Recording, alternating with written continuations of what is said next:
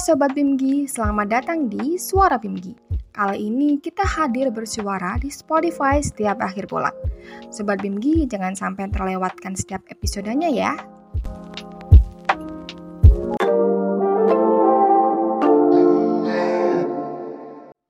Susu memiliki berbagai macam jenis olahan.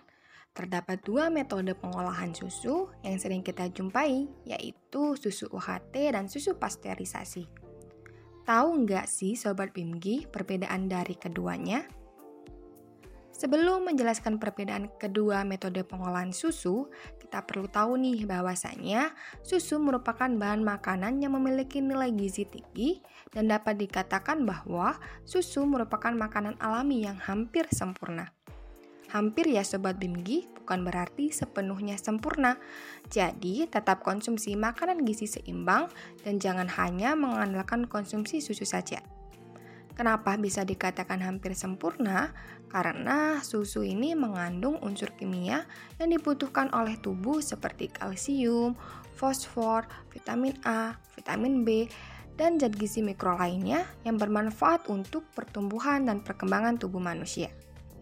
Nah, kembali lagi nih ke topik kita pada episode kali ini mengenai dua jenis metode pengolahan susu.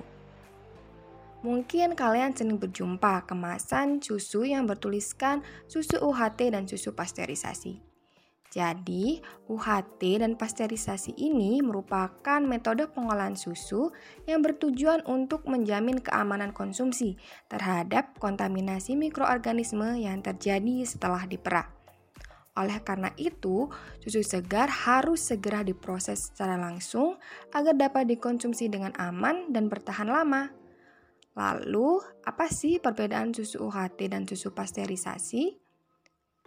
Susu UHT adalah produk susu cair yang diperoleh dari susu segar disterilkan pada suhu tidak kurang dari 135 derajat Celcius selama 2 detik dan dikemas langsung dalam kemasan steril.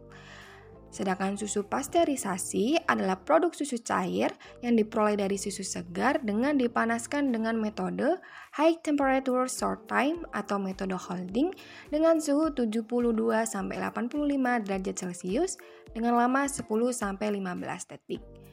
Meskipun memiliki kesamaan yaitu mengalami pemanasan, susu pasteurisasi justru memiliki citra rasa yang masih terjaga karena tidak dipanaskan dalam suhu yang sangat tinggi. Sehingga kandungan gizi susu pasteurisasi ini lebih banyak daripada susu UHT.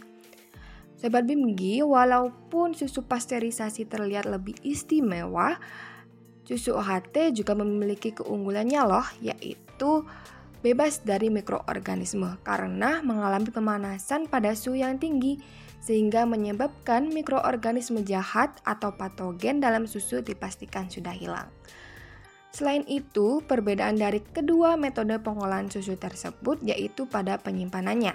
Jika susu OHT memiliki daya simpan pada suhu ruang selama satu tahun, sedangkan susu pasteurisasi hanya bertahan 4-5 hari di suhu ruang. Jika ingin bertahan lama, susu pasteurisasi dapat disimpan pada suhu 1-4 derajat Celcius yang hanya bertahan 1-2 bulan saja. Perlu menjadi perhatian, susu UHT memang memiliki daya simpan yang lebih lama, tetapi jika telah dibuka kemasannya, maka hanya bisa bertahan 5 hari saja loh. Jadi, Sobat Bimgi lebih baik harus segera konsumsi ya setelah dibuka sekarang bagaimana Sobat Bimgi? Sudah tahu bukan perbedaan susu UHT dan susu pasteurisasi? Pada dasarnya, yang paling penting dalam memilih susu untuk dikonsumsi, pastikan memilih produk yang terbaik, diolah dengan standar tinggi. So, salam sehat, sampai jumpa di Suara Bimgi selanjutnya.